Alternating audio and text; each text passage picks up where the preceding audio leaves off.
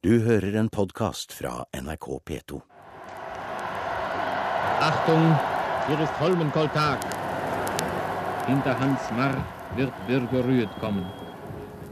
Aber vielleicht bringt der Zauberer von Kongsberg, der größte der Springer der Welt, der, wenn es... Det vi hører nå er et opptak fra tysk radio under Holmenkollrennet 5. mars 1939. Kommentator Paul Lafen er på direktesending og annonserer at verdens beste hopper, Birger Ruud fra Kongsberg, straks skal sette utfor. I museum denne gang skal vi ta et tilbakeblikk til en enestående æra i norsk hoppsport. Kongsberghopperne med Ruud-brødrene i spissen dominerte norsk og internasjonal hoppsport fra 1928 og to tiår framover. Vi skal se den kolossale premiesamlingen i skimuseet i byen. Vi skal til Persløkka og ikke minst til Rudhytta, der homo ludens, det lekende mennesket, fikk fritt spillerom.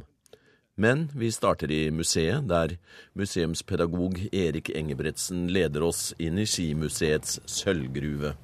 felles det egen bryter som åpner alle dører. Ja, nettopp. Nå er det grønt lys, ja. Du verden, ja. Her blir vi møtt av en hopper over hodet med, med Kongsbergknekken og en, eh, en rød genser med en flott K på og tilsvarende på lua. Og hvite vanter, til og med. Det var, Det var sånn- nesten jålete. det var, det var faktisk litt sånn jålete, altså. Og uh, han her, han burde egentlig hatt hvit skjorte med slips. Ja. Gjerne, de hadde gjerne det, skjønner du. ja. Pynta seg skikkelig. Med slips, ja. Med slips, ja. ja. Det er utrolig. Så vi ser på eldre bilder, så ser vi det. Står de oppstilt da, fint da, med alle med rød genser og hvite K-en og med hvit skjorte og slips. Riktig. Og greier, ja. Og eh, ordentlige strekkbukser, selvfølgelig. Det kommer jo etter hvert. Eh, Det har jo skjedd en del med både mm, hoppteknikken og med utstyret, ser vi jo når vi ser et bilde. Men eh, estetisk sett så er jo nesten sånt noe som vi ser der nå, uslåelig. Ja, jeg må si det når vi ser disse gamle filmopptakene f.eks., vi har jo en del av det, hvor vi ser hvor flott de er sånn Ja, de kalte det jo for den aerodynamiske stilen, da. For utgangspunktet var jo ved, På bildet her så ser vi kronprins Olav hopper i Holmenkollen. Det- Og en ganske sånn oppreist Det er mer right in vinkel, som jeg sier. Ja, ja right i vinkel. Men så blir jo bakkene større, og de finner ut at de må prøve å bøye seg forover.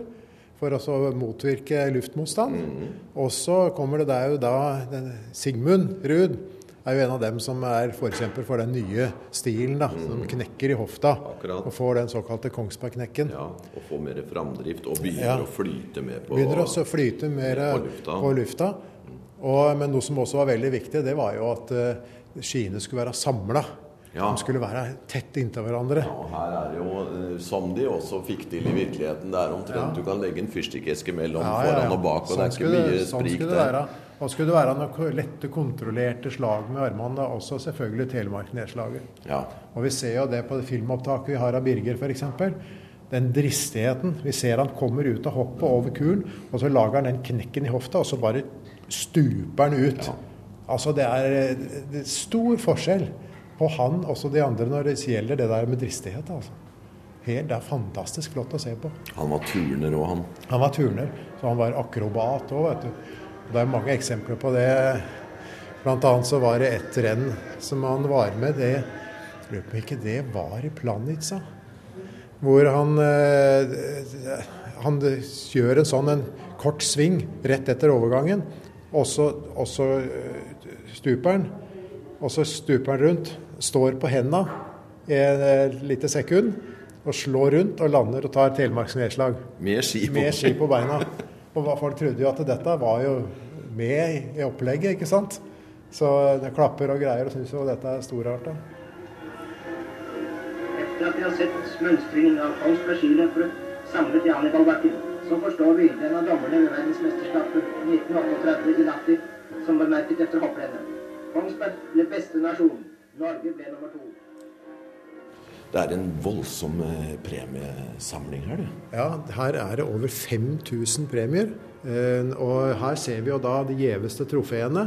Og hvis vi begynner helt her borte, så ser vi helt til venstre da sølvmedaljen til Sigmund Ruud fra vinter-OL i St. Moritz i 1928. Det var starten, på en måte? Det var på en måte starten, Den internasjonale gjennombruddet? Ja, absolutt. Og eh, året etter så ble han jo også verdensmester. Så det er klart at da Det var jo storveis. Eh, nå var jo han eh, litt eldre, så, og en så jo også det da at han fikk en liten bror. Ja. Så allerede i 1930 så deltok da eh, Birger i Holmenkollen.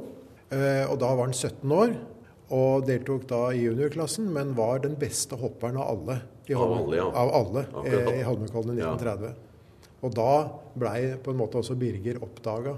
Skjønner. Ja. Ja, der er eh, Ja, men, altså da kan vi bevege oss litt eh, ja. videre bort her, da.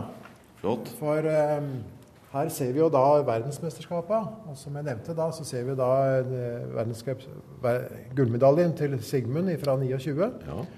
Og så i 1931 så blir da Birger Ruud verdensmester mm. i Oberhof. Eh, så kom, ser vi også da det neste. Det er jo da 1932, mm. hvor Birger Ruud igjen blir verdensmester, som han samtidig da blir OL-mester. Ja, riktig. Og da må vi gå tilbake. Ja, da går vi bort her, ja. Flott. Og her ser vi da gullmedaljen til Birger fra 32, og vi ser sølvmedaljen ja, til Hans Beck. Akkurat. En annen av Kongsberg-hopperne. Og det var veldig spennende, for Hans Beck han leda da etter første omgang. Uh, ganske klart. Og fikk beskjed om at da, for å ikke skulle dette eller gjøre noe annet gærent, så skulle hun ta det litt med ro da i annen omgang. Ikke ja, sant? Safe skikkelig. Og det gjorde han, og det var selvfølgelig en stor tabbe. Ja. For da kom denne her vesle spretten, han Birger, ja. og dro til ja. og, og slo han. Ja. Men de var jo fra Kongsberg begge to, da, så det var ikke så veldig farlig. Så det var eh, 1932.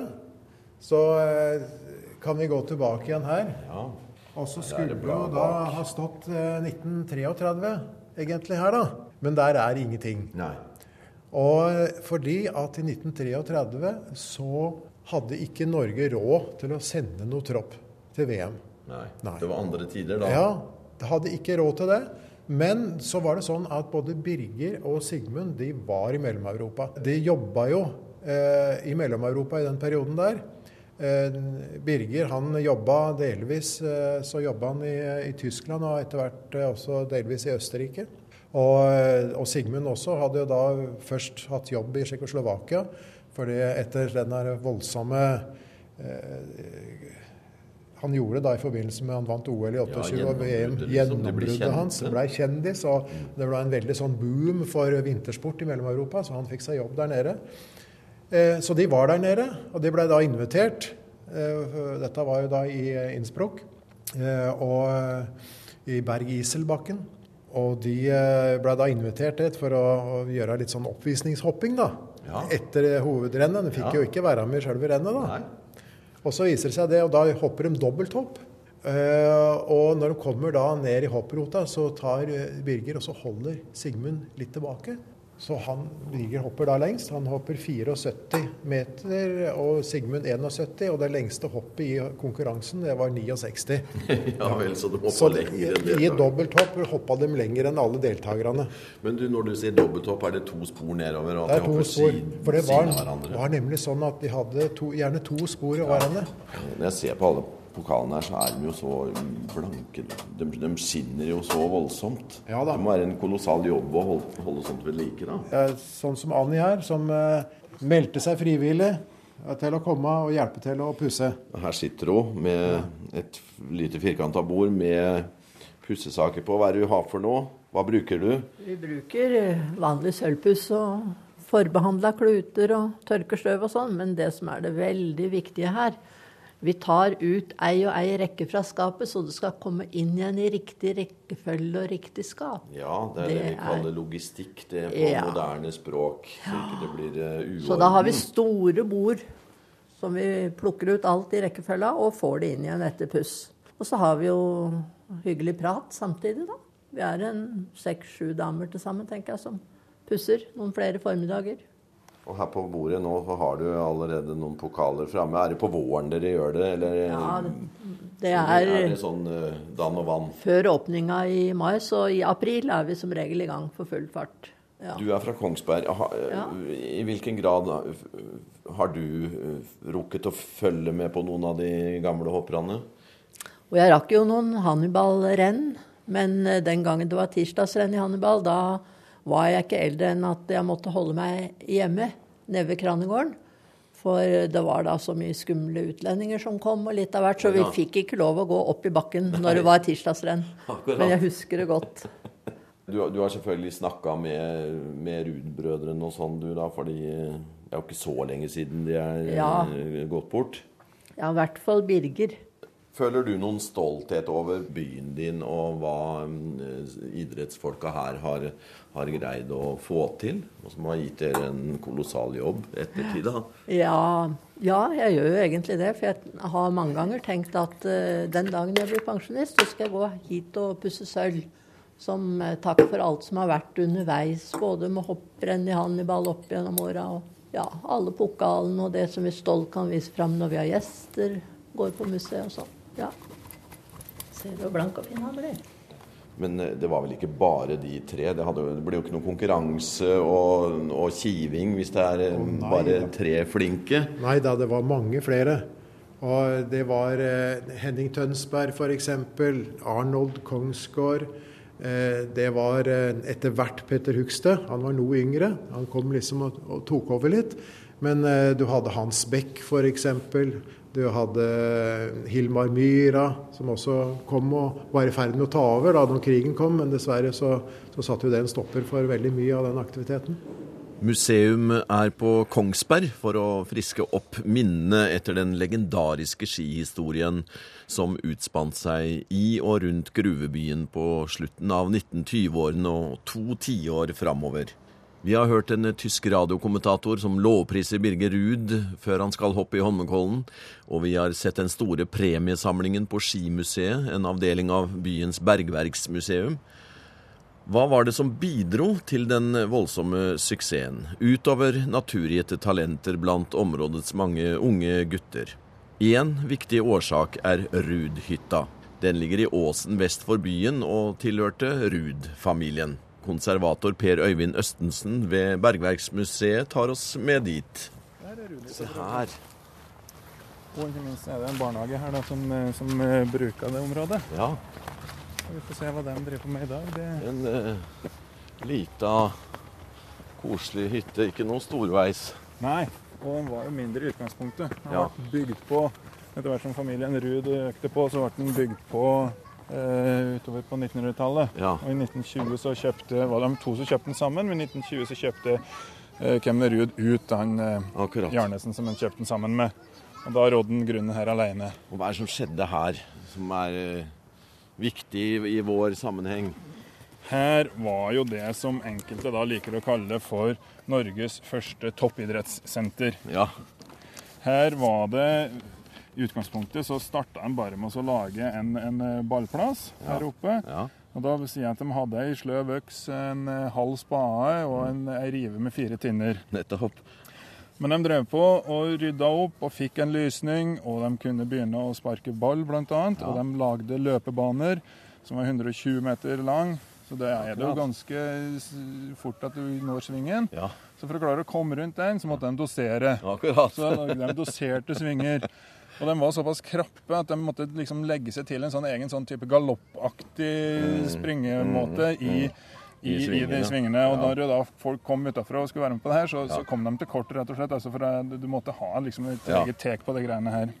Altså, de lagde tennisbane, hoppegrop, Ja. eh, både for lengde og høyde. Stupetårn ser jeg der. Stupetårn. Da begynner vi å nærme oss hopping, føler jeg. da begynner vi å nærme oss hopping. Ja, Østensen står nemlig nå med et eh, tidligere idrettsanlegg på Rudhytta. Tegnet 31.8.01. Vebjørn Ruud. Altså, han har jo vært på den hytta her, selvfølgelig. Han har nok etter all sannsynlighet vært her, og det er jo da sønnen til Birger. Ja. Og, og de, det går en bekk gjennom området, og der, den gikk vel gjennom en liten kløft. I hvert fall så så de at her var det muligheter for å få sprengt litt, Ja. så de kjøpte litt dynamitt. Og de sprengte, og de fikk opparbeidet stupe og badedam som var 3,5 meter dyp. Og stupetårnet var 7 meter høyt, så det blir jo sagt at på litt sånne tørre sommerdager så kasta de uti ganske mange av de som sto og kikka på, for å få liksom vannstanden til å stige litt, sånn at den som stupte da ikke skulle bunne. Akkurat. Og, og her, var det, altså, her var det mye leik. Det var, det var veldig stor grad så det skulle være morsomt. Det, var, det skulle være artig. Altså I forhold til Birger Ruud så blir det jo ofte sagt eh, begrepet 'homo ludens'. Ja, lekende mennesket. menneske, ja. Og, og det, var, det var artighet, men det var veldig mye opp mot konkurranser. Altså Det ble gjort konkurranser av det meste. Ja. Men, men det var en sånn fellesskap om det her at, at det her var, de skulle gjøre det morsomt. Og her var det ikke bare Ruud-brødrene. Her var det ikke bare Ruud-brødrene. Alle de som, eh, som vi på en måte òg har utstilt på museet, av Ulland-brødrene og Kongsgården og Lien og Myra og alle det der, eh, var her ute og hjalp til å bygge opp. Ja. Og var med på alle typer aktiviteter. Turn var noe av det de drev Riktig. Oppbygget plass for turnringer, oppbygget plass for turnringer. Ja. Turn var noe av det de, de drev på mye Ja. med. Og de hadde òg altså, sånne um, vippebrett. Ja. De hadde vært på sirkus og sett vippebrett. Riktig. Så da var det en som sto på, eh, på en høgde, Ja. hoppa ned på et vippebrett, og en Ja. annen sto da på den eh, andre, Andre. enden. Og det ble sett på som veldig godt i forhold til det å time satsen. Det vil jeg tro. Fordi at akkurat hvis du klarte å time det riktig i forhold til når du fikk hjelp opp, Ja. Så, så var det en veldig sånn god øvelse i forhold til å time Ja. satsen når du skal hoppe. Det vil jeg senere. tro. Også ha riktig balansepunkt på foten idet du skyter av gårde. Mm. Du verden. Så mye av det de gjorde her, gjorde de jo ikke bare fordi det var artig, men det var jo overføringsverdier opp mot skihopping. Og Ja. de trente på sommeren, koste seg, hadde det artig, Ja. og, og klarte da å overføre det her til Så dro de eh, over i, på, helt på, midt på høsten nesten, så kom jo snøen opp i, på Persløkka. Det er en, mik en mikrofon, det er en, bon, det er en opptaker som vi tar opp som skal gå i radio. Og barnehagen forlatte trabulanten her. Ja, her ser vi jo bilder faktisk av det du nå har fortalt da. En eh, sprek salto over en list, eller? det, altså, Eller hva det er? Ja, i, i, altså en del av de øvelsene de hadde her oppe, var ikke nødvendigvis sånn standardøvelser som du Nei, finner hjemmelagde Det var hjemmelagde også. øvelser. Hvis det ble bestemt at de skulle hoppe over list med salto, så gjorde de det. Ja. Eh, De hoppa gjerne over list med trampoline, eller sånn eh, trampettaktig sak. Og her ser vi jo uh, en i et uh, luftig svev på vei mot uh, denne kulpen og dette syv meter høye tårnet. Og her nede er et fabelaktig bilde. Det er jo Kroppen er jo litt feil i forhold til skihopp der, men antagelig så bikka de over i Kongsbergknekk før de traff De gjorde, vannflata. de gjorde nok det, og det her bidro naturligvis til å skaffe den gjengen her oppe en enorm kroppsbeherskelse. Ja. Altså De hadde jo ved å på en måte både stuping og en del av de her eh, mer eller mindre akrobatiske øvelsene de gjorde i forhold til turn Ja. og hopping osv. Vi, er helt opplagt på et veldig viktig sted for eh, Kongsberg-skiløpernes suksess. Jeg mener, eh, alt de holder på med her, og plutselig så er de eh, verdensmestere og olympiamestere ute i den store verden og blir berømte mennesker. Vi går jo etter damene, ikke sant? Ja, det, Og det er de som har farget. Ja, men der ligger det jo dårlig an. Det ligger dårlig an nå. Vi blitt hefta. Vi har takket farvel til eh, konservator Per Øyvind Østensen og Rudhytta, og er nå sammen med Vebjørn Ruud, sønn av Birger, på vei mot Persløkka, ikke langt fra alpinanlegget på Kongsberg. Det var på Persløkka vintersesongen starta og ble avslutta. Det, altså Kongsberg ligger nede i en dal. Eh, og så har du beiteløkker rundt Ja, byen. ja. Som da, eh, når snøen kommer, ikke sant, så er det åpent. Kjempefint å stå på ski. Og i vår, eh, min barndom så var jo ikke de grodd igjen. Nå er mange av de grodd igjen, men altså da jeg tenker på generasjonen foran, så var jo, var jo skiterreng overalt. Nå ser det ut som de jobber her borte. Eh, Det her er jo tømmer... Ja. Dette er, nå kommer vi til Persløkka-området, som ble brukt da til oppstartsrenn, eh, det første rennet, og, og ja, igjen som treningsbakke gjennom hele vinteren. Og, og også ble brukt som sånn avslutningsrenn. Eh, med sørperenn, som de kalte det. Akkurat.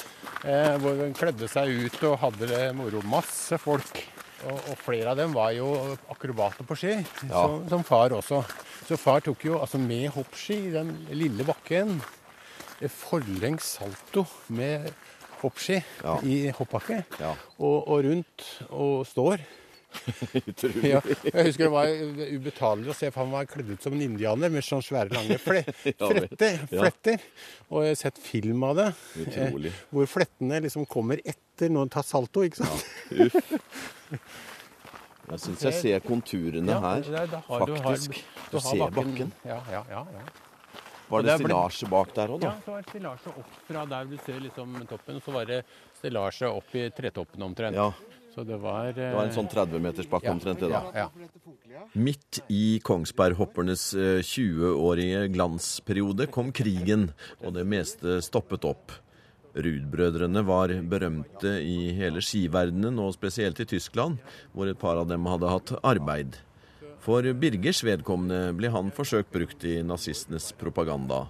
Men han og brødrene og flere andre Kongsberghoppere havnet på Grini fordi de deltok i forbudte renn. Så han var helt innpå de virkelige toppene i eh, det nazistiske ja, ja fordi, han, fordi han ble da en helt der nede Mm. eh, i Tyskland, særlig etter 36, eh, men før også. Eh, altså Alle helter var jo, Ja. ble jo framholdt, han var norsk og alt det der. Ja. Fant jeg nå bilder av hvor du ser Goebbels og, og hva heter han, Himmler og, Himmler, ja. og Reich-kommissar. eh, Ja, og, og så var det han, eh, han Gøring. Ja vel. Som, eh, som da eh, skal hilse på Birkerud. Ja, ja, ja. Og jeg vet at far ble pressa veldig for å være eh, leder av det tyske laget. Og jeg, jeg fant et gammelt bilde hjemme av Møllergata her på Kongsberg, hvor tyske journalister hadde vært på Kongsberg. En sånn hjemme hos-reportasje. Riktig, og så sto sto det som det ble sendt til den tyske aviser. Mm. Der sto det at eh, Birgerud var en, en stor beundrer av der Führer og, og bla, bla, bla.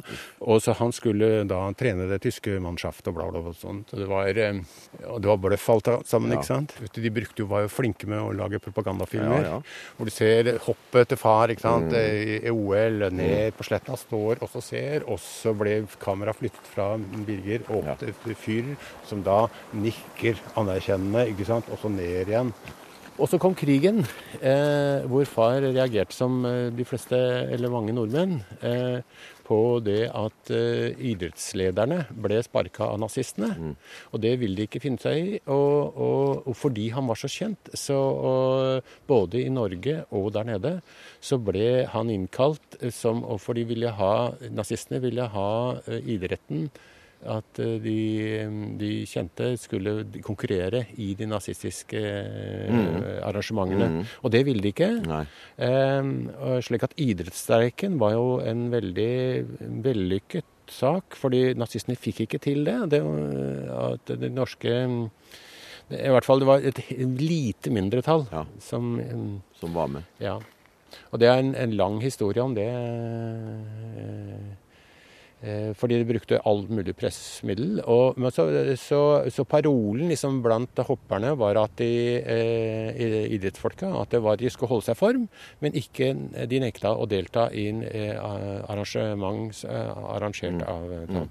Og så, eh, men så arrangerte det, eller så ble det da eh, sånne renn allikevel. Ja. Sånne hemmelige renn. Hviskerenn i Hannibal i Akkurat, 1941. for Hannibal ligger rett borti her, det. Ja, det ligger litt Borti lenger opp i åsen åsen der, ja. Jeg ser ikke herfra. Og da kom det masse folk fra byen ikke sant, for å se på. Ja. Og det var de li- litt redd for. Ja. Fordi at det, ja, far ble innkalt flere ganger til Reich-kommissariat, og han måtte levere skriftlig begrunnelse for hvorfor han ikke skulle eh, nektet å delta i nazistiske Mm. renn. Så, eh, og da fikk han en dom at han var utestengt av eh, livstid for alltid i, i Norge, og fikk ikke lov til å delta i konkurranse lenger. Nei. Og det, det var kjempefint, for da, da slapp han jo det. Men, men så var det et renn i Asker hvor det kom så mye folk, og de ble, de ble da oppfattet som demonstranter, politiske demonstranter. Og det visste de hadde fått beskjed om på forhånd. Så, så det ble sagt i spøk, har jeg hørt, eh, etter det rennet. Ja ja, nå håpa vi oss inn på Grini hele gjengen. Og ganske riktig så ble det arrestert én etter én. Og der var både onkel Asbjørn, altså Asbjørn Ruud, og så Sigmund var der, og mange andre. Hånes. Eh, masse andredienstfolk. Og det var alvor, for eh, Nolten, altså Kongsgård, han ble sendt til Tyskland eh, i sånn fangeleir der, ja. Og det var harde greier. Far ble jo tilbudt da, å flytte til eh, Tyskland med kone og barn og skulle få eh, være trener og bla, bla. Men han nekta, og derfor så ble han på Begrini. Og tyskerne visste ikke riktig hva de skulle gjøre med han, for han var både så kjent. Altså, slik at de turte liksom ikke um, Og far har sagt flere ganger, eh, eller jeg har hørt han har skrevet om det òg, at eh, det at han var så kjent, redda han en del i en del situasjoner. Og så er vi tilbake i Holmenkollen 5. mars eh, 1939. Et par hoppere til, så er det klart for Birger Ruud. Og det er kommentator Paul Lafen i tysk radio som kommenterer. Birger. Weit nach vorn gelegt. Fast liegt er mit dem Kopf auf der Skispitze. 60 Meter. Großer Beifall im Rund. Du har nå hørt en podkast av programmet Museum fra NRK P2. Send gjerne en e-post til museum krøllalfa nrk.no.